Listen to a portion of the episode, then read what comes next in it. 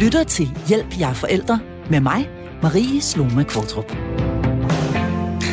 Når vi bliver forældre, indløser vi samtidig livslangt medlemskab til det, man kan kalde den store forældreklub.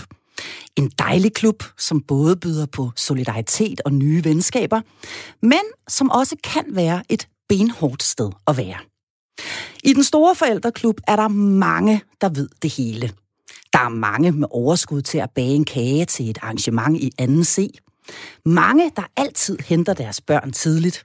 Mange, der går til rytmik med deres tumling og spiller brætspil hele familien lørdag eftermiddag. I den store forældreklub er der mange med overskud til tonsvis af legeaftaler.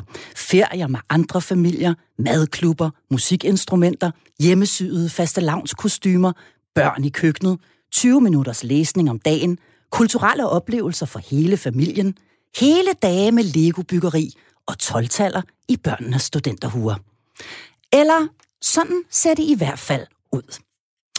Med det store ansvar og den store kærlighed flytter også usikkerheden ind hos os. For gør vi nu det rigtige? Og er vi gode nok som forældre? Og lige præcis det spørgsmål er overskriften for denne episode af Hjælp, jeg er forælder. Mit navn er Marie Sloma Kvartrup, og som altid er jeg flankeret af medlemmer af mit kompetente panel. I dag psykolog og parterapeut Frej Pral, natkirkepræst Signe Malene Berg og autoriseret børnepsykolog Marie Tolstrup, specialist og supervisor i psykoterapi med børn. Du kan ringe ind med et spørgsmål, stort eller småt, på telefon 72 30 2 gange 44 eller du kan sende en sms, hvor du skriver R4, laver et mellemrum efterfulgt af dit spørgsmål og sender til 1424. Velkommen til. Og lad os så starte ved billedet af den perfekte forælder. Den mor eller far, vi ønsker at være, og som vi ofte forestiller os, at alle andre forældre er. Lad mig høre jer en gang. Hvor har vi egentlig de her forestillinger fra?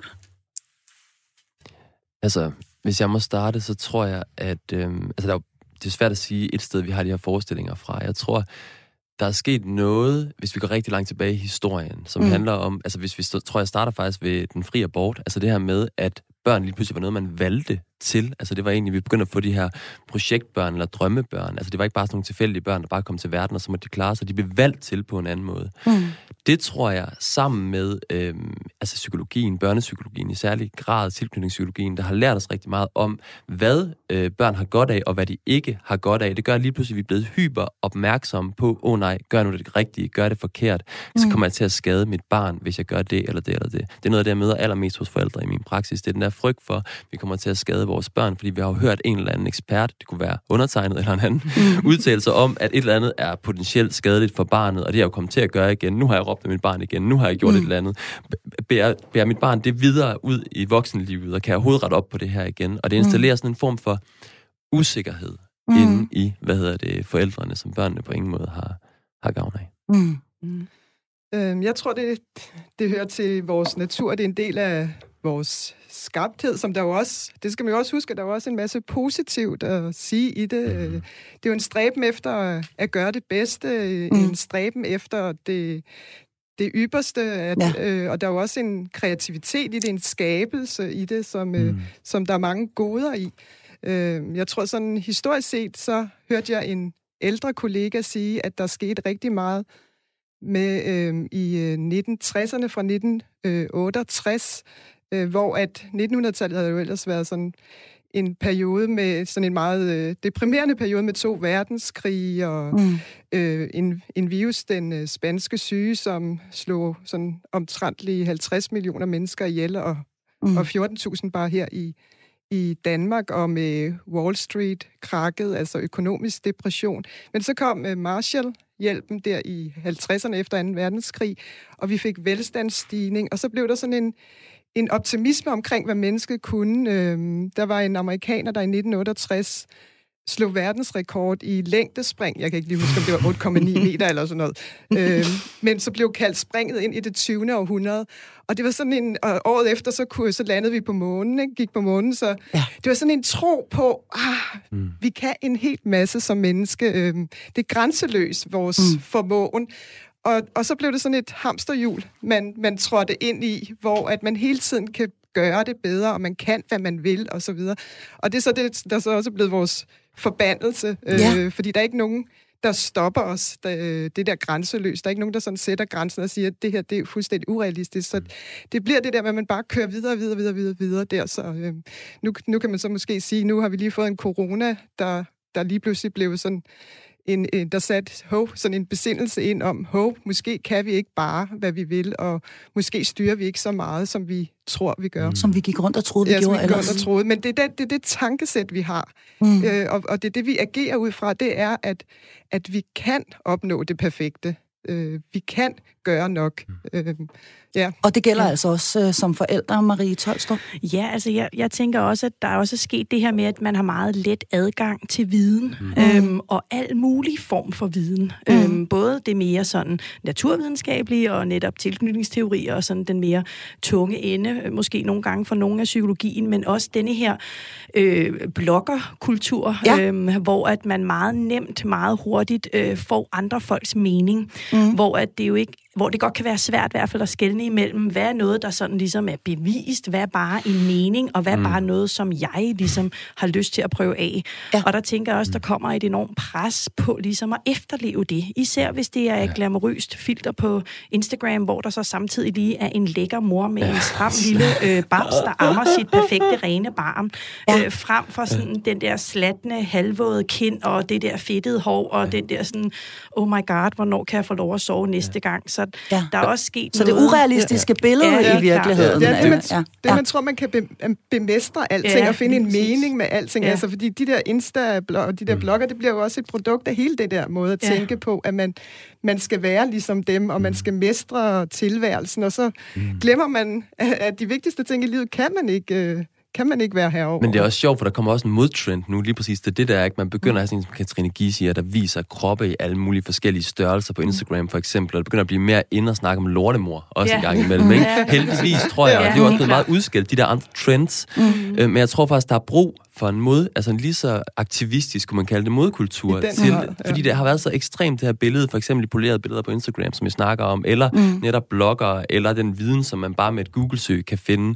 Hvad mm. hedder det? Øhm, og så tror jeg så også, det handler rigtig meget om den der, altså vi, og det er jo ikke nogen nyheder, vi er så individualiseret, som vi er. Altså det hele peger tilbage på mig som forældre. Ja. Altså det er på en måde, helt, det, er min, det er min skyld, hvis der sker noget med. Altså hvis min barn ikke bliver lige præcis sådan, det, altså alt peger tilbage på forældrene. Ja. Der er sådan en kæmpe ansvar, forældre går og føler i dag. Kæmpe, og der ja. tror jeg, der er sådan en, og der tror jeg hænger sammen med flere ting, blandt andet jo, at de store fortællinger, altså de er ikke er der længere. Jeg tror, skæbnetroen altså, har været der på en helt anden måde tidlig, i tidligere tider. Hvor Hvad mener du med det, de store fortællinger? Mener, altså min, helt konkret, min svigermor, hun er meget religiøs og meget troende, ikke? Hun siger ja. nogle gange, hvis hun har nogle bekymringer eller et eller andet med børnene, jamen jeg lægger det over til Jesus, siger hun. Så lægger det, hun, og det gør hun helt konkret. Hun lægger det hos ham og siger, jeg kan ikke tage mig af det længere, jeg forlader det. Nu må nogle andre magter på en eller anden måde tage over og ja. hvad hedder det, bære det her for mig. Og ja. det behøver jo ikke være en religion, man har. Det kan være alle mulige øh, steder, man putter det hen, eller sådan over til skæbnen, eller hvad det nu er. Mm. Men den har vi jo ikke rigtig længere, eller mange af os har den i hvert fald ikke længere, så det hele peger på en måde tilbage på mig. Mm. Og det tror jeg er sindssygt svært altså for forældre at bære det. Altså man siger, man har det ordsprog, der hedder, der skal en hel landsby til at opdrage et barn. Ja,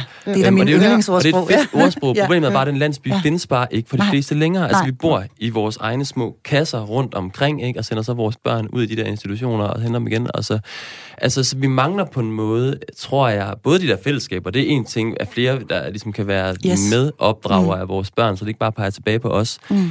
Øh, men vi mangler også bare en eller anden syndsforladelse, tror jeg. Altså i et religiøst sprog, men i virkelig en eller anden overbærenhed med, at vi er dem, vi er, og vores børn skal nok klare den, og de bliver formet alle mulige forskellige steder, alle mulige forskellige mennesker, og vi kan ikke bære det ansvar, som mange af os tror, vi skal bære. Ja, det er en realisme, man mangler. Ja. Øh, ja. Nu du er jo præst, siger Signe Malene Berg, ja. og, og, og det her med, øh, med, med, med skylden og, og, og skammen, og at man, at man øh, bærer øh, helt uhyggeligt meget, øh, og måske også for meget øh, som forældre. Hvor, ja. hvor tror du, det kommer fra? Jamen, altså, det kommer jo som fra, jeg siger, at, at det der med, at man, når man afskaffer en større magt, at kunne mm. lægge noget over mm. til, altså at sige, at der er noget, der ikke er min skyld. Øh, altså, der var jo strategien for en troende stadigvæk, det er mm. jo det der at sige, der er noget, der er noget, som ikke er i min magt. Det er mm. Gud i vold, er det ikke også dronning ja. Margrethe, der altid siger det ja. øh, til slutningen af sin tale, at det er det, det, det, det, der kommer efter det, jeg kan, så er der noget, jeg ikke kan. Det er ikke altid mig, der kører bilen. Øh, nogle gange er jeg bare passager. Mm. Øh, så det der at sige, ske din vilje, Gud, eller mm. Gud i vold, at hvis man ikke har det, så, så bliver det jo sådan urealistisk... Øh, det, man skal bære. Øh, og så bliver man meget forvirret, fordi der er jo også den skyld, man skal bære, som mm. er, man er skyld i. Mm. Øh, så, så det er også det der med, at man, altså, at man bliver forvirret omkring... Altså, jeg tror, det er det der med, at man bliver bange for magtesløsheden, fordi man ikke har noget at putte den magtesløshed over i. Mm. Altså, mm. i mit virke som præst, der har jeg jo meget det der med, at man skal, man, man skal være vred på Gud over, at Gud, altså, at Gud er den, der jo i sidste ende er den, der har det store ansvar. Så mm. tit er det også sådan, synes jeg, i den der skyld, skyldfølelse eller dårlig samvittighed, at der er en eller anden uforløst vrede, som ja. man så kan putte Ja. Altså, som man skal putte et eller andet sted hen. Ja. Øhm, og vrede, den skal jo forløses til den rette, så Mm. Nogle gange så, hvis man ikke tror på Gud, så må man jo finde på noget andet, mm. øh, at kalde de der tilfældigheden, eller whatever, men det skal bare ud. Altså ja. nogle gange, jeg havde øh, som sjælesov, nogle gange, at folk skal skrige, jeg har sådan en skrigepude, mm. ja. så de bare kan, for så kan man ikke høre det i kirken, men at de så ind i den der pude, så øh, skriger de bare alt, hvad de kan. Ja. Øh, Få det ud. Siger, få det ud. Det hjælper, det hjælper jo øh, lidt. Ja, altså, øh, og få det ud. Men det er bare meget sjovt ja. også. Altså, jeg tænker også, hvad, hvad, er det hvad er det for nogle rollemodeller, vi bliver for vores børn i virkeligheden? Ikke? Altså, jeg har jo eksempler på kvinder, som efter de har råbt af deres børn, og det lyder måske vildt det her, ikke? eller kastet en gummistøvle igennem øh, stuen, eller hvad det er, så er de simpelthen ligget i fosterstilling inde under bruseren, altså er bare skam over det, de har gjort i forhold til deres børn. Ikke? Altså, de, de fylder så meget for ja, dem. Og det ja. er jo ikke bare tilfældigt. Det handler selvfølgelig også om deres personer og dem, de er, men det handler i den grad også om en kultur, som i den grad promoverer, at det her det er noget, vi kan komme til at gøre farligt, og det er din skyld, hvis det er, at det mm. ikke ender øh, på mm. den rigtige måde. Ikke? Og der tror jeg bare, nogen, jeg har lyst til at sige, at sådan der, altså, børn får meget magt på en eller anden måde. Ikke? De får mm. enormt meget magt. Altså at kunne få den der mor ind under den der bruser og ligge, ja. det er jo ikke i nogen børns interesse Nej. helt grundlæggende, vel? Så de, altså, jeg oplever også, at børn kommer til at få rigtig meget magt. Ja, ja. Mm. Jamen, og jeg, jeg tænker i hvert fald også, at der er noget i det der med at acceptere, at man som forældre vil have følelser af skam og kunne lære at rumme dem. Mm. Altså, det er ikke meningen, at vi skal føle os som den perfekte forælder hele tiden. Jeg plejer altid at sige ja. i forhold til opdragelse for eksempel, at hvis du slår hovedet hårdt ind i væggen om aftenen, så ved du, du har gjort det godt. Mm. Altså, det er hårdt at have børn. Det er Hvad mener du med det? Hvad mener du med det? Jamen, at det er jo nemt at sige ja. Ja. Det er da det nemmeste i hele verden. Mm. Bare rende rundt. Ja, det må du, ja. Og ja, lad os bare have det hyggeligt og rart, men at sætte grænser og skabe tryghed gennem grænsesætning og gennem, mm. altså ligesom at møde sit barn i, jamen det er mig, der bestemmer faktisk ja. her. Mm. Og du er et lille individ, og det skaber jo en tryghed og en tydelighed. Og den vil der komme skam og skyld med, fordi nogle gange vil vi gøre det forkert, men ja. det er okay at fejle. Ja, det og det er okay at gøre de her ting, hvor vi ligesom rummer nogle svære ting, og det og, og det er nok den, jeg nogle gange savner, at man ligesom mm. altså, kan rumme den. Og jeg plejer altså at være tavlig og sige til mor og far, når de siger, er det vores skyld? Så siger jeg, jamen det er det jo nok. altså, jamen, det er jo, ja, det er det jo. Men det er jo hele måden, du siger det, det, er jo hele måden, altså, du siger det, okay. det på lige nu, Marie. Altså, ja. man kan mærke, at du hjælper mig med at rumme den ja, skyld, bare i måden, du siger det på nu. Jamen, det gør du i måden, jeg kan mærke det nu, hvor du sidder og siger det. Jeg føler, at det er okay at ja. have den skyld sammen ja. med dig. Ja. Og jeg tror, at det er det, der er hele pointen. Altså, vi mangler jo de fællesskaber, hvor den skyld også kan rummes i. Altså, mødergrupper er jo et eksempel på steder, hvor man faktisk kan snakke om alt det, der ikke fungerer. Ja. Altså, så videre alt det, jeg gør forkert, og, alt, og hvor andre kan så sige, ja, det forstår jeg godt, ikke? Eller ja. det er sådan, der mangler, mangler fædre i øvrigt et sted, vil jeg sige, at gå ja. ind og, og, ja. mærke noget af det samme, ikke? Ja. Men det er bare interessant, at de der fællesskaber opstår jo så på den der måde, men det siger bare noget om, at vi har brug for os at kunne sige, eller skrive vores magtesløshed ud, og andre ja. siger de sådan, sagde nu, det kender jeg godt. Ja. Ja. Sådan har jeg det også, ja. og det er helt okay, og der skal nok komme et sundt og rest barn ud af det alligevel, ja. og du skal ikke være bekymret. Nej, og den der. Faktisk, ja. jeg plejer nem, nemlig at, at tale mere, i stedet for det perfekte, mm. den perfekte forælder, som er så underligt glat, og som man netop mere sådan tænker, man skal leve op til, og man, mm. man har jo ikke den der, hvor man kan snakke fortroligt sammen med en perfekt forælder. Det støder fra mm. og skaber ikke fællesskaber, så jeg kan bedre lige at snakke om, at vi skal stræbe mm. efter at være øh, en hel forælder.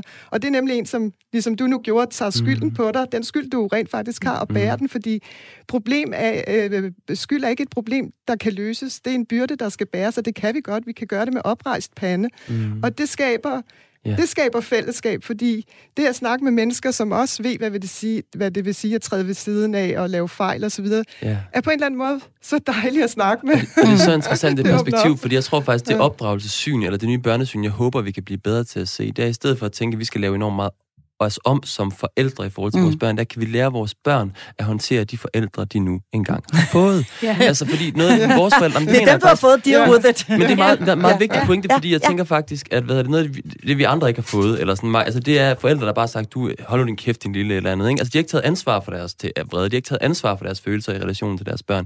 De har bare sagt det, og så har vi børn siddet med sådan en følelse af, at vi var forkert eller et eller andet, fordi vi var, som vi nogle gange var. Det vi forældre kan gøre nu, det er, at vi nogle gange kan blive skide vrede, og vi kan blive sure, og vi kan gøre alt mulige forskellige, og så kan vi komme tilbage til vores børn og sige nogle gange, hvis vi føler for meget hov, der bliver jeg lige vred, hvordan har du det egentlig lige nu? Altså vi kan sætte mm. nogle ord på det for vores børn, vi kan hjælpe dem med at håndtere det.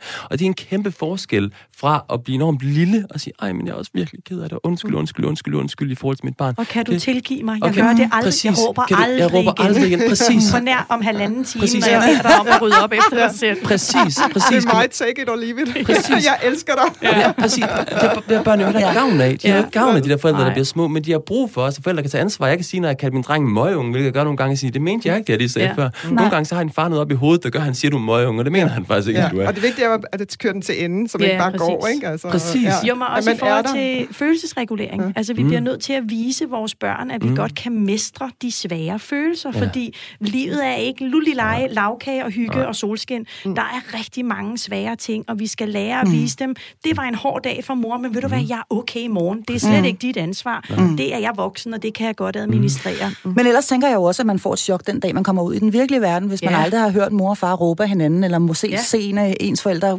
græde, eller et eller andet andet. Det er i hvert fald ikke Ja. Nej, nej. Fordi men... man gør det jo den anden skamfuld, så, er det, så må ja. jeg ikke. Fordi jeg, jeg, jeg sidder jo der også som barn og vil råbe mm. og skrige og så videre. Ikke? Altså, mm. Så må man så, så ikke, det man signalerer, det er jo, at det må du ikke. Du må mm. ikke være, som du er. Og det er forkert, ja. Det er forkert. Mm. Jeg har lyst til at spørge jer i forhold til hele det her øh, præstationsræs og mm. det her perfekthedsunivers, som vi jo altså spejler os i, når vi kigger rundt omkring. Og de mm. lang, lang, lang de fleste af os ved jo udmærket godt, at det, jeg ser her, det er en redigeret virkelighed. Mm. Øh, alle familier er ikke fuldstændig perfekte og sidder ikke og drikker af musel mega øh, kopper med en øh, perfekt øh, lille øh, økologisk croissant på tallerkenen og børn, der er fuldstændig renvasket med, med hjemmesyet tøj på. Sådan ser det ikke mig. ud hjemme i familien. Hver lørdag. Hver lørdag formiddag. Øh, og så skal de jo lave noget sammen, hele familien, øh, bagefter hele dagen og så videre, i deres perfekte hjem. Sådan er virkeligheden ikke. Det ved vi jo, øh, det ved vi jo godt. Jeg har bare lyst til at spørge jer, hvorfor har det moderne menneske sådan brug for at signalere, at de har styr på det? Det er fordi, at vi lever med et tankesæt, så apropos det, jeg sagde før, som har indprintet i os, at øh, indbildt os, at øh, vi dør, hvis ikke vi kan mestre det hele og finde ja. mening med det hele og. Øh, og leve op til det perfekte. Altså, jeg tror, det er den der, at man, man tror simpelthen, man dør. Mm. Mm. Jeg tror også, der er to ting i det. Jeg tror, dels så er der jo noget, at man kan godt lide at poste noget. Hvis, synes, hvis jeg synes, der er et eller andet, der virkelig fungerer, jeg er stolt af, ikke? Det skal mm. verden der vide, ikke? Den er super. Nu har jeg haft en super fødsel med min kone, ikke? Det skal ja. hele verden der vide, ikke? Ja, det, det blærer du også pænt meget, det pænt meget, men. Den er også Det var meget perfekt. Ja, helt perfekt. Men det var jo et stort indtryk. Frej, det var også noget med de andre børn, der var rundt omkring karret, og det hele var så smukt, og mor og far blomst, de havde, havde blomsterkranser på os. Og vi snakker, ja, det havde vi næsten, ja, det havde vi dog ikke. Vi snakker ikke om den der playliste, der faktisk også var i baggrunden med den perfekte musik, der kørte ud, men så pludselig blev afbrudt af Sigurd Barrett, der sådan, hvor Spotify begyndte at opføre sig fuldstændig underligt, og så kom der bare Svend, Knud og Valdemar ud over den der fantastiske øvrige fødsel. Det var ikke så godt. Men hvad hedder det? Den bladrede du der med på Den bladrede jeg mig rigtig meget med, ja. men jeg tror også, men det er jo så det er bare for at sige, der er også noget omkring stolthed i noget, man gerne vil dele ja. med verden, ikke? Så er der selvfølgelig også den her del om at netop til, altså det der med, altså, altså vi vil gerne være en del af fællesskabet, ikke? Og vi jo. frygter på en måde, at vi ikke er en del af fællesskabet, hvis det er, at vi ikke lever op til de der mm. ting, fordi vi har den der idé om, at vi skal være på den her måde, ikke? For ligesom mm. at kunne være en del af fællesskabet. Og så reproducerer vi bare den fortælling i virkeligheden ved at blive ved med at poste de der billeder. Så jeg tror, det er rigtigt ja. det der med frygten for at dø, og den tror jeg hænger mm. sammen med frygten for at blive afvist eller udstødt af det ja, der fællesskab. frygten for ikke at være en del af den, af den store forældreklub. Ja, det er det. Ja. Jo, men også i forhold til ens identitet som forældre. Det der med, at vi spejler os i hinanden, hvor vi godt kan få gearet hinanden lidt op. Altså mm. det der med at ture være den eneste i klassen, der ikke har hjemme bag med. Altså mm. der kan man jo også i, i den henseende være, altså misforstå mig ikke, men, men glad for de coronaregler omkring, at det må mm. man ikke længere. Nu skal det være mm. indpakket og alt muligt andet, hvis man får lov at tage noget med. Super ærgerligt. Ja, ja. Jeg vil så sige, altså, jeg vil helst ikke, jeg vil gerne have nogen stadigvæk bager kager, fordi ja. jeg har opgivet at være den perfekte forælder, så jeg, jeg er jo så der, hvor jeg bare kan nyde, at nogen gider at lave de der kager. Nyde, jeg, jeg, også, der er jo nogen, men det skal man jo så bare huske, det, ja, hvis man er den, der hele tiden yder, at ja. der er altså også noget, du skal give dig selv plads til at ja. nyde, som mm. du rent faktisk kan få, hvis du giver slip. Ja. Mm. Men jeg tror også, det er meget modtagelsen. Altså, jeg har ikke prøvet det. Altså, jeg har prøvet mm. nogle gange at sige, åh, kæft, hvor jeg råbte har her til morgenmanden, eller ja. sådan noget, ikke? Hvor jeg lige har brug for nogen, der siger, ja, det gør vi også. Så ser man nogen, der bliver helt bekymret i blikket, ja, ja. ikke? Og så kigger jeg ja, ja. sådan, gjorde du? Ja. Gjorde du virkelig? Ja. Og, så, og, så, der kommer og du er endda psykolog. Og jeg er endda psykolog, præcis. Men det er jo de værste, det ved ja. vi jo. Altså, og jeg har været ude, altså nu har jeg jo selv været ude og fortælle offentligt omkring, altså nogle af mine sammenstød med Harald, ikke? Og være fået af kvinder, der har hetset mig på den der baggrund, ikke? Altså, har du fordi det? Jeg ved, ja, ja, ja. Jeg har jo fortalt om, hvordan jeg selv blev en løvefar i kontakt med ham, og hvordan jeg selv stødte på nogle følelser, jeg rent faktisk ikke brød mig særlig meget om, og der kom en storm af kvinder, der bare sagde, det kan du ikke, det må du simpelthen ikke, det der, du må ikke hæve stemme over for ham. Og, altså, så der var, jeg kunne mærke, at der var sådan en kollektiv, hvad skal man kalde det, Øh, ubehag. Folkedomstolen. Ja, en folkedomstol. Ja. Ubehag, ja. der, sådan, der rejser sig, ikke? Og det gjorde jeg i hvert fald fra mit perspektiv. Jeg havde jo ikke lyst til at sige det igen. Jeg havde ikke lyst til at lufte de der ting igen, fordi hold da helt kæft, hvor kan man få meget altså, tilbage igen. Mm. Så jeg tror, vi skal øve os i alle sammen at tage imod de der ting, når de kommer og vide af, at folk har positive intentioner. De vil jo virkelig gerne det bedste med deres børn, så der er ikke nogen, der har brug for ligesom at få den der... Nej. Jamen, der tænker jeg i hvert fald også som, som børnepsykolog, der bliver mm. jeg tit mødt i det der, altså, hvor folk har en forudindtaget idé om, jamen hun er børnepsykolog, ergo må hun vide og gøre alt det rigtige. Mm. Og det tænker jeg er en kæmpe misforståelse for det første. Altså, mm. ligesom Frej tænker jeg, når vi har fri, så er vi jo bare forældre. Mm. Og det kan godt være, at vi ved, hvilken bog vi lige skal slå op i, og hvad ved jeg, har noget viden omkring mm. det, men, men, men der er et eller andet med, at, at der bruger jeg i hvert fald mig selv meget med de forældre og, og børn. Ikke mm. så meget børnene, men forældre en møde i at sige, prøv at høre, jeg håber altså også nogle gange af mine børn, og nogle mm. gange gør jeg også noget, mm. som ikke måske er det smarteste, men mm. netop som vi var inde på, hvordan tager jeg den altså tilbage? Hvordan siger nu skal du høre, der blev jeg vred. Det må mm. du simpelthen undskylde. Mm. Og det der, det, det skal jeg nok prøve at øve mig i at lade være at blive vred over en anden gang, fordi mm. jeg kunne godt se, at det var ikke din skyld. Jeg mm. beklager. Igen, fordi mm. det der med at lære ens børn at undskylde, det er sjovt nok noget, de lærer af at kigge på os. Mm. Altså, hvordan gebærder vi os, når vi bliver vrede? Der skal mm. man ikke være bleg for at være en, der kan give en undskyldning på et mm. savligt grundlag, grundlag. Man skal selvfølgelig ikke rette rundt hele tiden og undskylde for sin adfærd, men når man går over grænsen og lige kommer mm. til at kamme lidt over, hvilket mm. jo sker for de fleste, mm. så er det i hvert fald undskyld og uddybe, altså, eller okay at undskylde og uddybe, øh, og ligesom komme videre i forhold til det. Ja, for heldigvis så øh, er det jo ikke altid, man behøver at undskylde, for man kan jo heldigvis også være skyld i noget godt. Ja, lige præcis. Ja, lige præcis. den, den, altså, den vil vi ikke af med. Nej, jamen, det er du fuldstændig ret i, for nogle gange, så skal man tale højt, og man skal ja. være tydelig, mm. og det, ja, dermed skal det ikke misforstås, inden folk bliver rigtig øh, vrede og bekymrede, at man står og råber af sit barn dag ud og dag ind. Men, men der vil være situationer, som kalder på altså, forskellige former for opdragelse, fordi børn er gudskelov også forskellige. Mm. Øhm, men det der med ligesom også at give sig selv lov til at lære sit barn at kende, og så får man en to, og hov, det er helt anderledes, og hvad gør som jeg her? Som regel anderledes ja. ja. erfaring. Ja, præcis. To.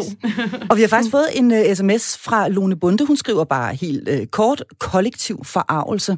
Mm. Altså, jeg forstår det sådan, at det er noget af det, øh, du også taler om derfra, mm. at man, øh, man er bange for ikke at passe mm. ind, og man er ja. bange for at være, hold kæft, har du set uh, hende, den, uh, hende den, har du set hende moren der, der giver sit barn uh, frostpizza med i madpakken, ikke? Altså, mm. man, man, uh, man, man ønsker ikke at være den, uh, den eller de forældre, der, der, der, der, der skiller sig alt for meget uh, ud fra, uh, fra mængden. Mm. Så, så der er helt sikkert også det her uh, ønsker, det tænker jeg sidder meget dybt i os som mennesker, mm. at, uh, at vi gerne vil være en, en del af flokken. Mm. Du lytter til Hjælp, jeg er forældre. Og i dag er overskriften for programmet her, er jeg god nok som forælder? Og i mit panel sidder børnepsykolog Marie Tolstrup, psykolog og parterapeut Frej Pral og natkirkepræst Sine Malene Berg.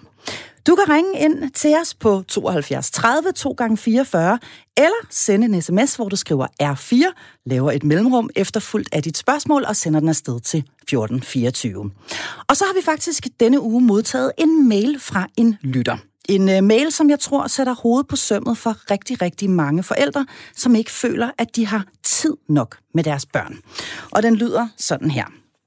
Kære panel, jeg er far til tre børn på 5, 7 og 10 år og blev sidste år skilt fra deres mor. Hun valgte i forbindelse med skilsmissen at flytte til en ny by og starte et nyt liv med en ny mand. Det har været hårdt, og jeg har først lige begyndt at føle, at jeg er ude på den anden side nu. Vi bor over en times kørsel fra hinanden, og børnene går i skole og børnehave i nærheden af deres mor, som også er bopælsforældre. Jeg ser derfor kun mine børn hver anden weekend, og det er alt, alt for lidt. Jeg savner at have en hverdag med dem, og jeg har sort samvittighed over ikke at være der nok. Samtidig skal vi alt for meget, når de endelig er her, og når alligevel aldrig det hele. Mit spørgsmål er derfor, hvordan lærer jeg at leve med den dårlige samvittighed, og hvordan er jeg god nok på afstand? Tak for et godt program, Bo. Og øh, ja, det var altså en, øh, en mail fra øh, Bo her. Hvad, hvad, hvad siger I til ham? Han er vel i virkeligheden øh, øh, slet ikke spor øh, unormal. Nej, han er jo ret repræsentativ, tænker mm. jeg, i forhold til, hvor mange altså, forældre vi ved, der bliver skilt. Mm. Øhm, I forhold til det her med, hvordan lærer han egentlig at rumme, at det er blevet et livsvilkår, mm. øhm, indtil videre i hvert fald, ved mindre der er noget, der, der ændrer det, om han flytter tættere eller, eller andre ting, men det er jo ikke altid noget, der er muligt. Nej, det er lige præcis det. Altså, der tænker jeg, at, at lige så vel som forældre, der ikke er skilt, der er der en, en følelse af utilstrækkelighed, som vi skal rumme som forældre, og som vi nogle gange simpelthen skal leve med hele livet. Mm. Og det betyder ikke, at han bare skal lægge sig fladt ned og give op, men at han også skal mm. vide, at man godt kan få en, en rigtig fin relation til sine børn, øhm, selvom man selvfølgelig ikke ser dem hver dag. Og om relationen så bliver den samme, jamen det kan man jo øh, tale stolpe op og stolpe ned om, men mm det handler jo om, at hans børn ved, at han er der, øh, og, og der er jo mange måder at gøre det på. Mm. Mm. Men hvordan lever man, nu spørger jeg præsten her i midten, Signe Malene Berg, hvordan lever man med skylden over at være blevet skilt? Jamen altså, vi lever jo. Altså, ja. vi lever med det. Ja. Øh, så igen, altså, det, det, det, det, der, det, er ikke, det er ikke noget, man kan mestre eller løse væk. Mm. Altså, det er noget, man må tage på sig, og så mm. skal man altså også tænke på, at det er jo også noget, der, der øh, skaber dig som det menneske, du er, og det er et liv, hvor at det ikke øh, altså det skal man det skal selvfølgelig ikke have lov til at fylde det hele, så det kan man det kan man øh, gennem samtaler for eksempel, det er jo sådan noget, jeg har samtaler med folk om over længere tid. Prøve sådan at finde ud af øh, hvad er din skyld, og hvad er ikke din skyld, og hvilke valg har du i det? Mm. Øhm, og hvis der er nogle valg i det, så at du må finde frem til, hvad du så selv vælger, og det er med til, at du træder i karakter mm. og, og bliver den, du er, og det er der faktisk ret meget værdighed i, og der, kan, øh, der er rigtig meget godt liv i det. Det er jo ikke noget, ja. der... der øh, altså, du, du finder et sted at bære det, men, men ikke sådan, så det ødelægger hele dit liv. Mm. Det, det, jeg, jeg ved ikke, nogle gange kan det også godt hjælpe at høre andres historier mm. om det. Altså, øh, Astrid Lindgren, hun havde dårlig samvittighed hele livet igennem ja. over, at hun øh, bortadopterede sin øh, lille dreng, som, som øh, var mærket af det hele livet. Men, men det, end, det gjorde jo ikke, at hun ikke fik et liv, der var værd at leve og med mening og fylde mm. og så videre. Ikke? Øhm, mm, og så ja. det der med at dræbe det der nok, altså det er jo et umætteligt uhyre. Ja. Mm. Nok, ja. du kommer aldrig til at gøre nok, ligegyldigt hvor meget tid du er mm. sammen med dem. Nej. Øhm, ja, så det, det skal man altså se og, se og få Og fredag, fredag eftermiddag til, øh, til mandag morgen, mm. det går jo lynende hurtigt, altså. Det er, ja. det er to dage, hvis der ja. det skal vi, jeg tænker, at sidde også hurtigt dividere, altså skal fordeles ud ja. på tre altså, børn, hvordan i alverden, og skal man nå det. Ja. Jeg kan også mærke som far, altså jeg kan også mærke, at jeg føler med ham virkelig, og jeg ja. kan mærke, at den ja. der, jeg kan, øh, han må være skide, måske også vred og ked af det, mm. eller tænker jeg over alt det der sker. Jeg bliver nysgerrig ja. på en masse ting. Jeg bliver ja. nysgerrig på at høre, altså netop også, som Marie var lidt inde på, hvad kan han gøre ved det? Er der noget at gøre ved det? Kan han mm. selv flytte tættere på dem? Hvordan, hvad kan, er der noget, han kan stille op i den her situation ja. i forhold til at reagere på den der samvittighed, han jo også mærker i forhold til mm. sine børn? Mm. Det er det første, jeg tænker, hvis han så finder ud af, at der ikke er noget altså rigtigt ikke at gøre, gøre ved det, ja. så får jeg lyst til, hvis jeg havde ham, altså for mig selv at føre ham over det, jeg sådan kalder accept broen, eller hvis man skal forsone sig med et eller andet, ikke, så skal man igennem, mm. kan vi se, en række forskellige følelser. Mm. Hvor blandt andet, det kunne være en vrede over, at det er sådan her, eller hvorfor skulle ja. det gå ud over mig? Det snakkede vi lidt om tidligere, ikke? Altså, hvorfor ville skæbnen eller min ekskone, ja. at det her, det skulle være komme ud over mig? Skabe et rum, hvor det er okay for ham at være pissehammerende vred over det, ja. og hvor han måske på den anden side af den vrede også kan mærke den sorg ja. han føler over ikke at kunne have det her med sine børn. Mm. For det er også min erfaring, at man skal igennem den der sorg for også at kunne lande og forsone sig med, at det her vilkår nogle gange er sådan, som det er. Og så får jeg selvfølgelig lyst til at sige, altså, at han skulle bruge den der dårlige samvittighed til at arbejde på at få et så godt forhold som muligt, også til moren, altså til ja. børnenes mor, fordi det ja. har børnene sindssygt godt af. Nu ved jeg jo ikke, hvordan forholdet til eksen er, nej, nej, nej. men det vi kan se i al forskning. Og der er jo også en uh, ny mand, åbenbart. Og der er også en ny mand, ja, åbenbart, ja, præcis. Ja. Som man vel også kan lave en god relation til, så man hvis man også er rigtig lave, Præcis, ja. så hvis man, ja. hvis man kan bruge alt sit krudt på det, som at få, så finde et rum, hvor man kan arbejde med alle de der forskellige følelser, han har i det. Og så prøve at skabe den der gode relation. Det vil også være en kæmpe ting for de der børn der. Og så hvis han så, jeg kan huske mm. min far, han, øh, vi havde sådan en snak, mig og min bror. Han er selv børnepsykolog, min far. Og havde, han havde også klædt på til samtalen, men han, hvad det, havde en snak med mig og min bror om alt det, han synes, der ligesom havde ramt os, da vi var børn. Altså, hvad der havde været svært for os, uden at blive sådan lille i det. Han sad bare og satte ord på, det der, det må da have været svært for jer dengang. Og, sådan. og jeg følte mig så mødt. Altså, jeg mm. følte mig virkelig, det var så fed en følelse. Selvom det var mange, mange år siden, at de der ting var sket. Ja. Og jeg tror bare, altså, det der med, hvis han også bare kan have den samtale på et tidspunkt med sine unger, har, har jeg også savnet mig lidt en gang imellem. Altså bare det mm. der med at kunne snakke, det er en kæmpe, et kæmpe kærlighedskys. 5, 7 mm. og 10 år skriver han, de er. Er, er, man, ja, ja. er man for lille, Marie Tolstrup, når man er 5 år til at, at have den slags samtaler, som Frej nævner her med sin far? Ja, det vil jeg mene. Altså, ja. man kan få den på et andet niveau. Det mm. tænker jeg ja. også, at det Frej mener i forhold til det her med at føle sig anerkendt og hørt. Ja. Ja. Øhm, og så netop også, altså jeg synes, det er en rigtig vigtig pointe, øhm, det her med, hvad kan du gøre for at skabe en tæt relation med din eks? Mm. For jeg synes helt klart, at det er der, hvor børn mister mest. Mm. Det er egentlig ikke nødvendigvis ved skilsmissen. Der mister, mister de selvfølgelig deres kernefamilie, så at mm. sige. Mm. Men man kan få nye kernefamilier, om man ja. vil. Men det der med, at mor far ikke kan finde ud af at tale sammen, og ikke kan finde ud af at være i rum sammen, og man ja. har to fødselsdage, to konfirmationer, to juleaftener, alle mulige ting. Det er i hvert fald noget af det, der kan være rigtig svært mm. for mange børn. Det betyder ikke, at det skal være sådan resten af livet, men det der med, at der er mulighed for det, eller i hvert fald bare er en stemning, der er til at holde ud og være i. For ellers bliver de lidt taget som gissel. Mm. Og, mm. og det er det er i hvert fald slet ikke rart, fordi så bliver barnet sådan lidt, jamen, hvis jeg er hos far, så må jeg i hvert fald ikke sige noget dårligt om mor, og hvis jeg er hos mor, må jeg i hvert fald ikke sige noget dårligt om far. Nej. Så meget apropos at være en god nok forælder, gælder også om at rumme. Du valgte en partner på et tidspunkt. Mm. Du valgte at få børn med denne ja. her partner. Nu har du et ansvar for at finde ud af det, selvom det ægteskab ikke lykkedes. Og der tror jeg, det er rigtig vigtigt, at man husker på hele tiden. Jeg siger ofte til forældre, både forældre, der er sammen, og forældre, som er skilt med hinanden, altså at på en måde, så bor begge forældre inde i barnet. Altså ja. begge forældre bor derinde. Så når du kritiserer den anden forælder, for eksempel foran barnet, så føles det som indirekte kritik af mm. barnet. Sådan har alle børn det. Altså ja. jeg har børn på 12 år, der har sagt til deres øh, mor for eksempel, stop med at rette far, stop med det, jeg vil ikke have det mere, fordi de simpelthen mm. føler det som en form for, altså at de står på en måde imellem de der ja. skud, mm. der kommer på dem. Ikke? Så det der med at kunne blive ved med at huske det, også selvom man har alle mulige vrede følelser, frustrerede følelser, hvad mm. det ellers måtte være, i retning af ens eks for eksempel, hvilket det ofte er, så husk på, at barnet er også inde i din eks, og elsk, ja. elsk barnet igennem, hvad skal men man i, sige. Eks. Men i virkeligheden øh, kan barnet jo også være en påmindelse om alt det, man har mistet, tænker jeg på. Der kan også ja. være en smertelig påmindelse, fysisk ja, påmindelse i en lille pige, der ligner sin mor, ja. og, den mor øh, og den mor har forladt en, præcis. og fundet en ny mand og startet ja. en ny familie, og så kan, så kan det faktisk gøre decideret ondt at se på, på, ja. på det her barn. Ikke? Men man skal ikke tørre af på børnene.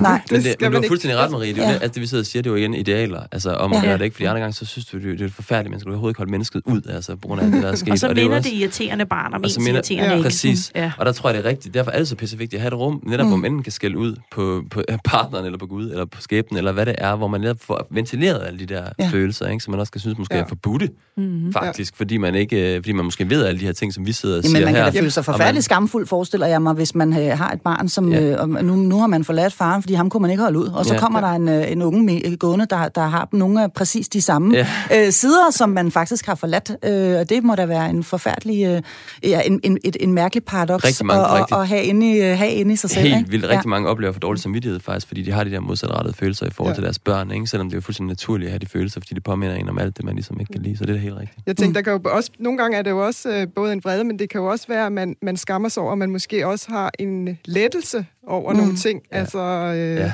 Mm. altså over, at noget bare bliver lettere ved ja. den der skilsmisse, og ja. man får mere tid til sig ja. selv, man får en frihed og så videre, så det kan også nogle gange Rigtig. ligge ind i det der. Og det Præcis. hører man jo utrolig ofte. Jeg har mange veninder, der er blevet skilt, som elsker ja. hver anden uge, ja. øh, lige pludselig, ja. hvor de kan, kan, kan se serier og arbejde igennem og gå på ja. sjove Tinder dates og alt muligt ja. andet. Ja. Jeg er nødt til lige at øh, vende et begreb med jer, som har været meget oppe i øh, de senere år, altså det, det, som man kalder for en tivoli-far. Det kunne også være en tivoli-mor, men det her med, at når man, mm. når man ikke har sine børn så meget, nu aner jeg ikke, om det er der, ham, øh, den gode Bo han er. Men det her med, han, han, han nævner i hvert fald det her med, at, at vi skal nå så meget, mm. øh, når vi endelig er sammen. Og man vil jo gerne gøre det så godt, så godt som overhovedet muligt. Øhm, hvad er egentlig det vigtigste, har jeg lyst til at spørge, for et barn, når, øh, når et barn er sammen med sine forældre? Altså, jeg tænker jo, at det er, og det lyder jo så kedeligt, når børnepsykologen siger det, men, men at have tid sammen. Mm. Og der synes jeg egentlig, at det kan være rigtig vigtigt at have tiden sammen, hvor man faktisk også kan lave andre ting, altså hver for sig, men det der med, at man alligevel er mm. sammen, enten derhjemme eller ude eller noget andet, det, det, det er rigtig vigtigt, at der ikke går fest og party i den, hver gang okay. man er hos den ene eller anden forælder, fordi det er jo også noget med at få skabt et normalt liv på en den lange bane. Ja. Hvis der er fest hver anden weekend, så bliver det enormt urealistisk for de børn at få øh, altså nogle andre forventninger til far. Mm. Så bliver det noget med altid at skulle skrue op på et niveau, som kan blive rigtig urealistisk. Ja. Og det er jo egentlig ikke det, det handler om. Det handler jo om, at man har det godt sammen, men også at man har det svært sammen. Mm. Og at man kan problemløse i forhold til det, og at man får nuanceret, hvad går livet ud på. For det er ikke kun Tivoli. Der er rigtig meget, der ikke er Tivoli, og det er også okay. Mm. Så jeg vil sige, altså det der med at have tid sammen, er, er, vil jeg nok sige, er noget af det vigtigste. Og der er mm. tid på to dage, selvom det ikke er det, han ønsker, og selvom det selvfølgelig ikke nødvendigvis for mange er, er nok, men mm. det er tid. Ja, og så ja. bliver man så bange for, som du også selv siger med det samme, åh oh, nej, så kommer der konflikter ind i de der to, ja. og så er det hele bare spildt eller ja. på gulvet, ikke? Nu kommer konflikterne igen.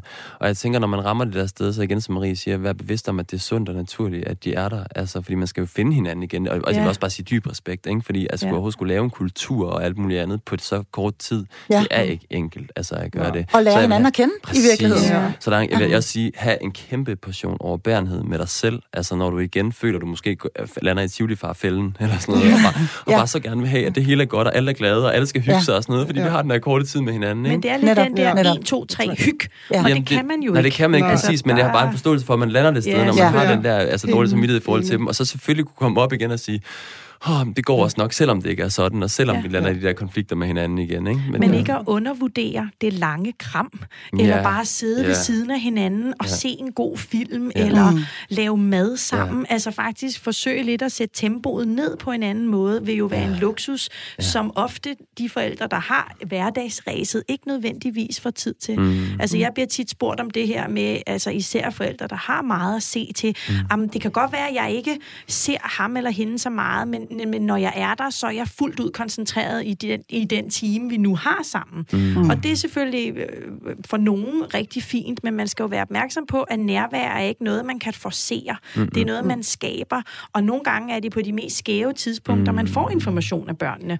Altså, mm. så er det jo netop, når ja, de lige er på vej ud på toilettet, om forresten var der en, der sagde det her til mig i dag, og man er sådan, øh, hvad for noget? Ja. Ikke? Nu har vi lige brugt seks timer sammen øh, i dyb ro og samhørighed og alt muligt andet.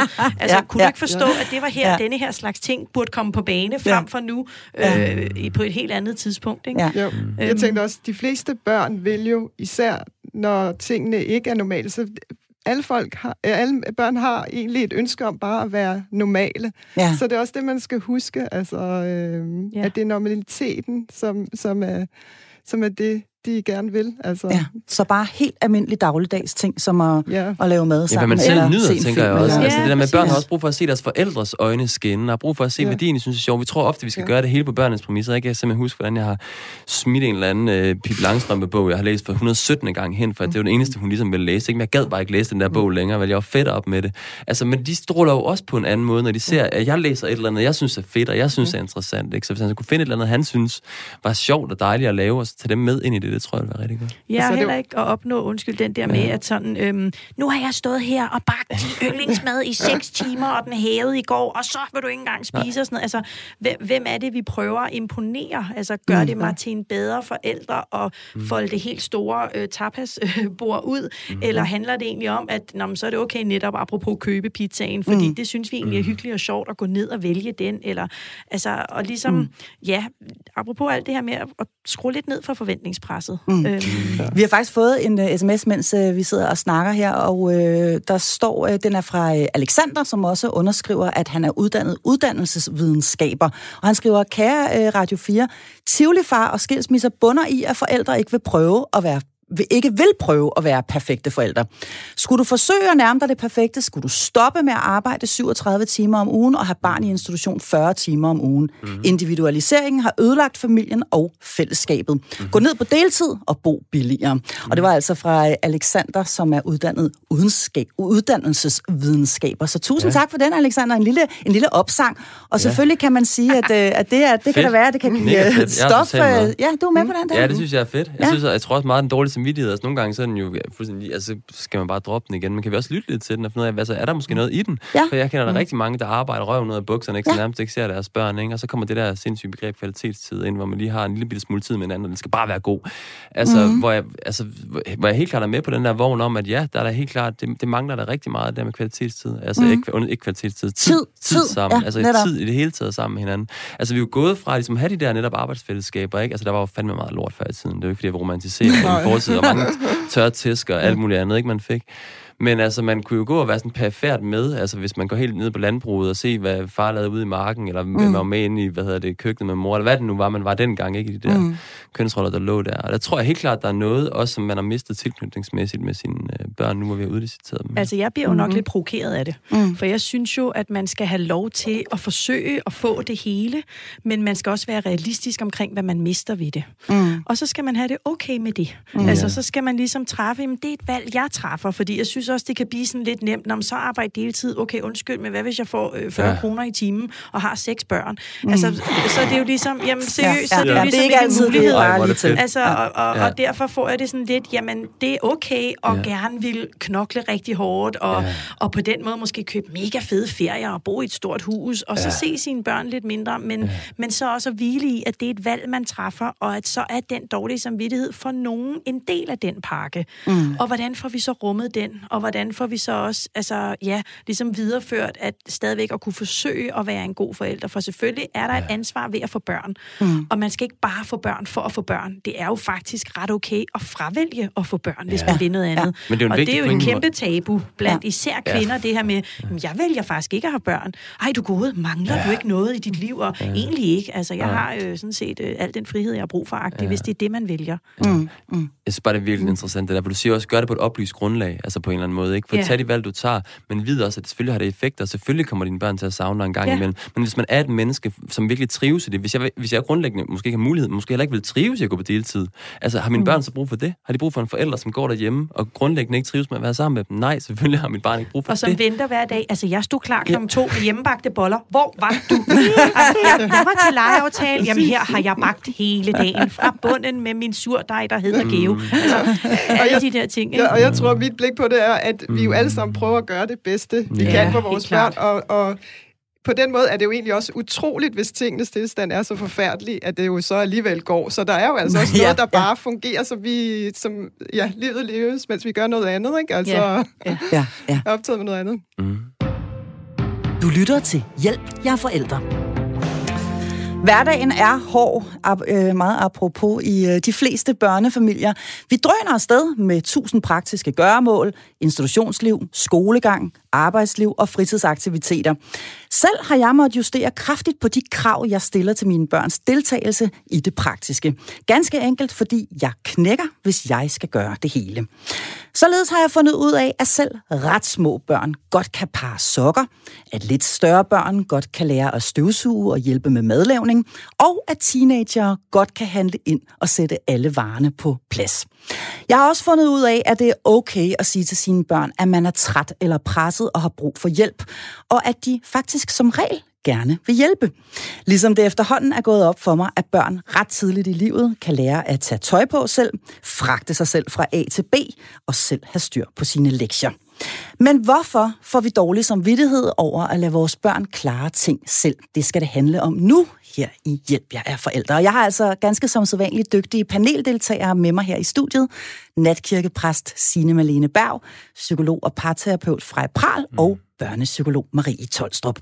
Du kan stadigvæk nå at ringe ind, hvis du har et spørgsmål. Gør det på 72 30 2 gange 44 eller smid en sms, hvor du skriver R4, laver et lille mellemrum efterfulgt af dit spørgsmål eller din kommentar og sender den til 1424.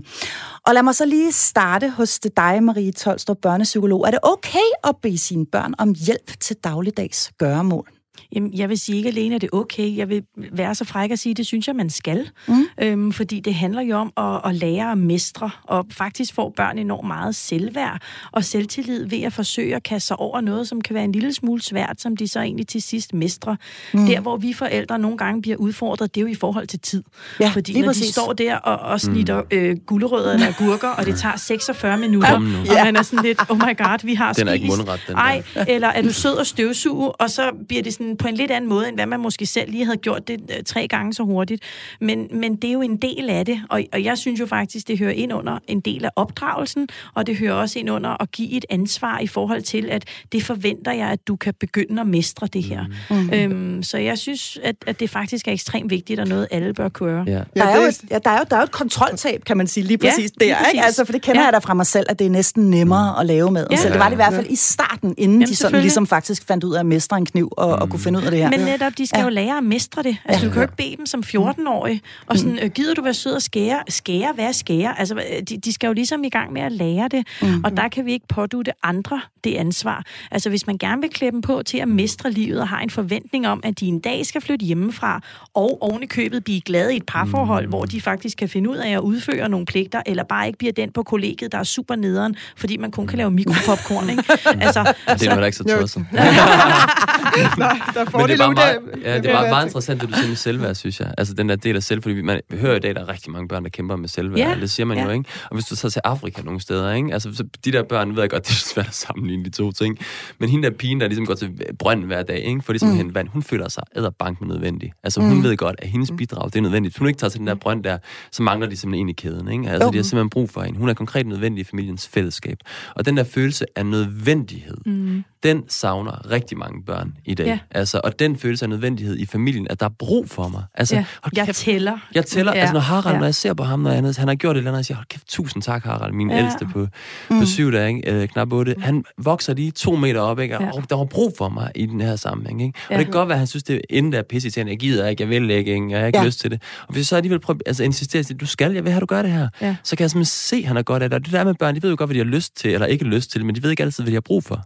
Nej. Og det er jo ligesom der, vi forældre kommer ind og kan se det, de har brug Ja. ja. for, som for eksempel er, at de godt må bidrage på alle mulige forskellige måder i familien med at gøre det ene. Altså nu passer de jo alle sammen den her lille lille søster, de har fået, både Ravna og har. Det er så vildt at se, hvor store de bliver, når de sidder med det der Ja. spædbarn i armen. Ikke? Jeg kan godt trøste hende. Det kan jeg godt Jo, men også det der Ja. med, at det ikke er alt, der er sjovt. Jamen, det er ikke sjovt at tømme opvaskemaskinen. Nej, ser du mig stå og grine, hver gang jeg gør det? Altså, det er jo ligesom, det, det er ret normalt at gøre noget, som er en pligt, men hvor man Mhm. faktisk også i hverdagspligterne kan finde en ro, og at tingene godt kan komme lidt ned i tempo. Man kan hygge sig med det, som jeg Ja, plejer at sige. Det er sådan et kan mantra man. hjemme hos mig. Det er, er- gang vi skal noget, der er en lille smule Ja. kedeligt, Ja. bryde op eller Ja. andet, så siger vi, vi hygger os med det. Jeg kan gøre det sammen. Ja, jeg netop lige præcis. Og så er det Ja. noget med at sætte noget musik på, og så Ja. får man altså øh, ordnet det der køkken, eller Ja. lagt de der fire IKEA-poser fyldt med, med, med tøj øh, sammen, og så, gør, og så hygger man sig, så hygger man sig med det, ikke? Der, Øhm, der kan ja. jeg lære noget af jer. Jeg er virkelig et dårligt eksempel. Jeg har dårlig samvittighed over, at jeg ikke øh, beder mit barn om at gøre nogle stopper flere nu, ting. Altså, det stopper nu. Jamen, jeg har det faktisk på samme måde som dig. Jeg er også dårlig til det. Men jeg tror også, at vi, vi forældre gør det også som en kærlighedsting. Altså, det er, Ja. fordi, det er jo faktisk et sted, hvor vi kan se, her kan jeg gøre noget. Ja. Mm. Her kan jeg ligesom give et eller andet. Ikke? Jeg kan hente dig der, eller jeg kan give dig et glas vand, eller Netop. jeg kan gøre et eller andet for dig. Ikke? Så det er jo også nogle gange en Det er en faktisk- kærlighedsgestus i Ja, ja. Som, som jeg er klar på, nogle Ja. gange kan være for meget, og man kan komme ud i at gøre dem mindre Jo, men for det er lidt der, den dårlige samvittighed kommer ind i billedet, fordi så Ja. bliver det, ej, du så har også bære, haft en hård sige, dag. Altså, Ja. du har siddet der øh, fem timer i skole, så har du leget i SFO, og så kom du hjem og fik en snack. Huha, jeg må hellere aflaste dig en lille smule, lille ven, ikke? Mm. Og den er jo egentlig meget misforstået, fordi mm. vi skal jo gradvist klæde dem på til at mestre mere, til at rumme mere mm. og til at kunne mere, men det kræver tid at gøre det. Mm. Og det kræver også nogle samarbejdsvilkår, altså i forhold til overvejelser omkring, hvad er det, altså at man som forældre sætter sig ned, hvad er de gyldne øh, sten, hvad de vil sige, vi vil give vores barn med her i livet, hvordan vil vi lære vores barn at mestre, hvornår er de klar til en lidt større pligt, og, og hvordan ser det egentlig ud. Og det er jo også der, man lærer, når man går ned med skrald, så bliver man låst ude. Hvordan mestrede jeg lige og det? det- Ja, men jeg synes Men- bare så ja, også, ja. altså, jeg har meget det der med, med mit barn, at han har virkelig brug for at, at bare slappe af, når Ja. han øh, kommer hjem, fordi Mm. der skal man jo så også tænke, at måske det ikke lige altid mig, der skal lære dem det, fordi de lærer det måske allerede, eller får Ja. det. De pligter alle andre steder fra. Ja. Det kan jeg jo se, altså de skal jo virkelig kunne mestre mange ting Mm. andre steder fra, så man har jo også brug for det der rum, hvor man bare flader, Ja, flader, ud. Og, der og tror jeg, og jeg tror også, det er vildt vigtigt altså. at sige, det er vildt vigtigt, og så oplever jeg, apropos ham, Bo, der skrev tidligere omkring det der med at have sine børn der, at rigtig mange i hans situation og sammenbragte familier, andre, oplever ofte, at de ikke kan få børnene til at gøre de der ting, eller de vil ikke bidrage til fællesskaber. Og der tror jeg også, det er vigtigt at se et spadestik dybere, så- jeg, jeg spørger tit de børn der, eller spørger forældrene, tror I, børnene føler sig som en del af fællesskabet? Mm. Fordi ofte, hvis jeg ikke, hvis for eksempel de der børn er der kun en gang hver anden weekend, så føler de sig grundlæggende ikke som en del Nej, af fællesskabet. så er de gæster. Og så, så er de Ja, gæster. præcis. Og hvis jeg er gæst, De så, ved ikke, hvor tingene præcis, er, og og så føler jeg mig ikke, og- så føler jeg mig heller ikke indefra forpligtet, eller har lyst til ligesom at bidrage til det. Og så er der mange forældre, der bliver enormt sure og vrede på børnene, og det burde de og så videre at gøre, ikke? og kommer ikke det der spadestik mm. dybere i det. Så jeg tror også, det er et, et væsentligt niveau for dem, der i hvert fald er den konstellation. Ja. Og det var ja. lidt det, jeg mente tidligere i forhold til det der med at slå hovedet ind i væggen, ja. i forhold til, at det er hårdt at sætte de krav, og det er hårdt at sætte de rammer. Jeg vil give dig mm. helt ret i, Signe, det er ikke fordi, man skal nødvendigvis gøre det hver eneste dag, men det er dog aldersafhængigt, men det er mm. noget med at sætte en tone tidligt, fordi så bliver det bare nemmere. Mm. Og det er Jamen, de der små ting. Og så ligger de heller ikke på sofaen, når de er 18 med sure altså. sokker og bumser over det hele, og, og beskidte tallerkener rundt omkring, som du så først skal til at lære ham at tage ud i køkkenet selv. Altså man kan ja, ja. sige, man er vel også et eller andet sted nødt til, hvad, hvad, er, det for en, hvad er det for nogle store børn, du ønsker ja, at have? Jamen det er så der, du skal sætte ja, ind altså, jeg, øh, med de små børn. Helt sikkert. Ja, så jeg vil bare sige, min pointe var, at de jo netop skal det alle mulige andre steder, så det er jo ikke fordi, ja. de ikke lærer det. Altså ja. det skal de selvfølgelig. Det er jo alt det, vi har snakket om med fællesskabet. Ja. Altså hvem vil have en kæreste, der slet ikke kan noget Men sådan var jeg jo. Altså. altså jeg var jo sådan en kæreste. Altså jeg har jo været sådan der. Jeg, jeg, jeg, det er rigtigt. Altså, bare lige for at sige, man kan godt, man kan godt lære det. Altså, jeg var et produkt af en mor, der bare har gjort alt for mig og min bror. Ikke? Fuldstændig, ikke? Ja, jeg har, jeg har lært, og der, men bare for at sige, at i min dynamik min kæreste, har jeg jo stille og roligt ligesom uh, lært de der vaner om, og der tror jeg på, at nu kommer parterapeuten på banen. Var det hårdt? Har det været hårdt? Har det været hårdt? Jamen, det er det, det er fordi, det, ja. altså, hvis, hvis hun havde opdraget på mig, så tror jeg ikke, jeg, havde, så tror jeg, jeg var gået mere defensiv. Hun var øh, måske hende, mere snedig i sin retorik. Og hun var mere snedig, ikke? Hun kunne finde ud af at snakke for egen banehalvdel. Det betyder noget for mig, hvis du vil, vil stoppe med at drappe alt dit tøj, fordi så vil jeg rent faktisk kunne få tid til at gøre noget af det, jeg også synes er sjovt at lave i stedet for. Det var jo lidt mere motiverende at få at vide, at jeg var et rådehoved, der bare skulle ja. Ja, ja. lære noget. Og jeg har et barn, der virkelig vil have den der, jeg vil selv bestemme. Så der, jeg lærte hurtigt det der med at have valgmuligheder, så de sådan kunne få... Ja. Nå, ja, Nå, ja. ja. den er genial. Nå, så har jeg selv bestemt det her. Ja, ja, øh, altså den der med, hvad vil du helst? Vil du helst ja, den, tømme den opvaskemaskinen, ja. eller vil du helst gå ned med skraldespanden? Ja, ja, ja, den er genial. Den er, god. Ja. den er nemlig, øh, den er faktisk uh, super, super smart. Vi har simpelthen fået en sms mere, det er vidunderligt. Og den lyder sådan her. Goddag, fed debat. Jeg bliver helt beroliget. Skælder samtidig ud ærger mig og undskylder, hvis bølgerne gik for højt. Følte, jeg var helt gal på den. Har også nedprioriteret arbejde en del. Selvfølgelig kunne jeg tjene mere på anden måde, men har valgt, at mine tre børn kan have mere tid hjemme sammen. Mm. De laver deres, og jeg laver mit, men vi er sammen. Med venlig hilsen, tømmeren. Tusind tak for øh, den sms, og hvor er det vidunderligt, ja. at øh, der er nogen, der har lyst til at, øh, at skrive øh, ind til os, og i det hele taget har lyst til at, at, øh, at lytte med.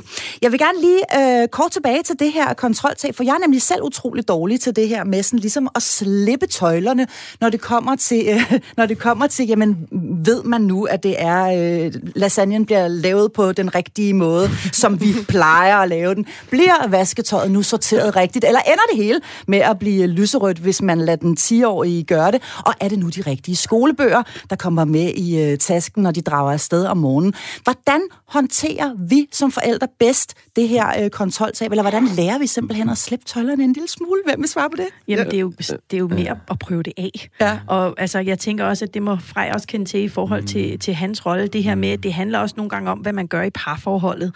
Altså, der har, og det tænker jeg godt må sige som kvinde, altså kvinder kan godt have en tendens til, at det kun er dem selv, der gør det godt nok, hurtigt nok. Ja. Ja. Altså, jeg ved da godt, øh, hvem der vasker uldvask hjemme hos mig, fordi ja. ellers synes jeg jo, det er helt forkert. Ja. Øhm, og der er det noget med netop at give slip på den kontrol og øve sig i at gøre det, for der sætter vi også et godt eksempel for børnene. Du kan ikke styre det hele.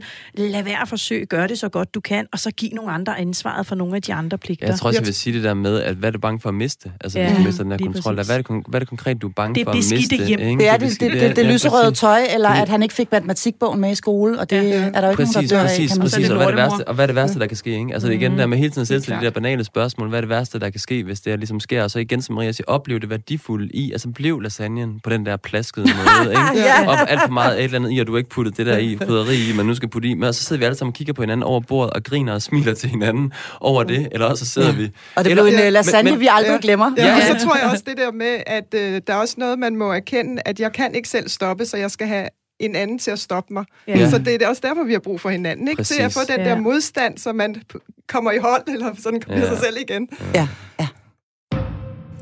Du lytter til Hjælp, jeg er forældre. Okay, perfekte forældre, de findes altså ikke. Tusind tak for det. Der findes forestillinger, der findes facader, og der findes massevis af smukke billeder på sociale medier, men ingen perfekte forældre. Så hvis vi forældre skal kunne leve med os selv og undgå at blive et op af dårlig samvittighed, så er vi simpelthen nødt til at lette foden lidt fra gaspedalen, nedjustere kravene til os selv og uddelegere opgaverne i familien. Og så i øvrigt tage en dyb indånding og sige til os selv, ja, du er god nok som forælder. Næste fredag handler programmet her om børn, der ikke vil i skole, og du kan allerede nu skrive en mail til os. Adressen den er hjælp radio4.dk, og det staves altså H-J-A-E-L-P, og så snabelag radio4.dk. Og så er der bare tilbage at sige tusind mange tak for i dag. Tak til panelet, som i dag bestod af børnepsykolog Marie Tolstrup, natkirkepræst Signe Malene Berg og psykolog og parterapeut Frej Pral. Programmet her kan downloades som podcast og bliver i øvrigt genudsendt på søndag kl. 11.05. Mit navn er Marie Sloma Kvortrup. Tusind tak, fordi du lyttede med.